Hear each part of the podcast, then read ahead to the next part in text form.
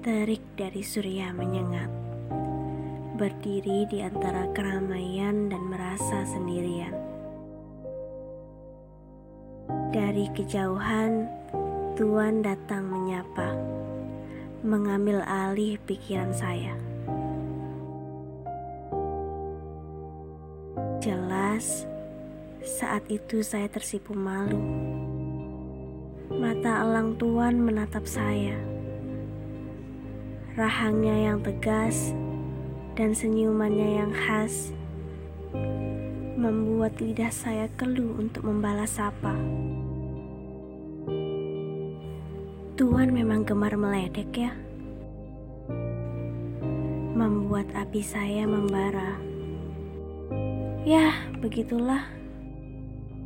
Nonamu ini gampang tersulut. Tapi lagi-lagi, bayangan senyuman itu menuluhkan api yang sedang menyala. Berdansa bersama gemericik rintik. Tuan mengikis jarak hingga saya harus membisu.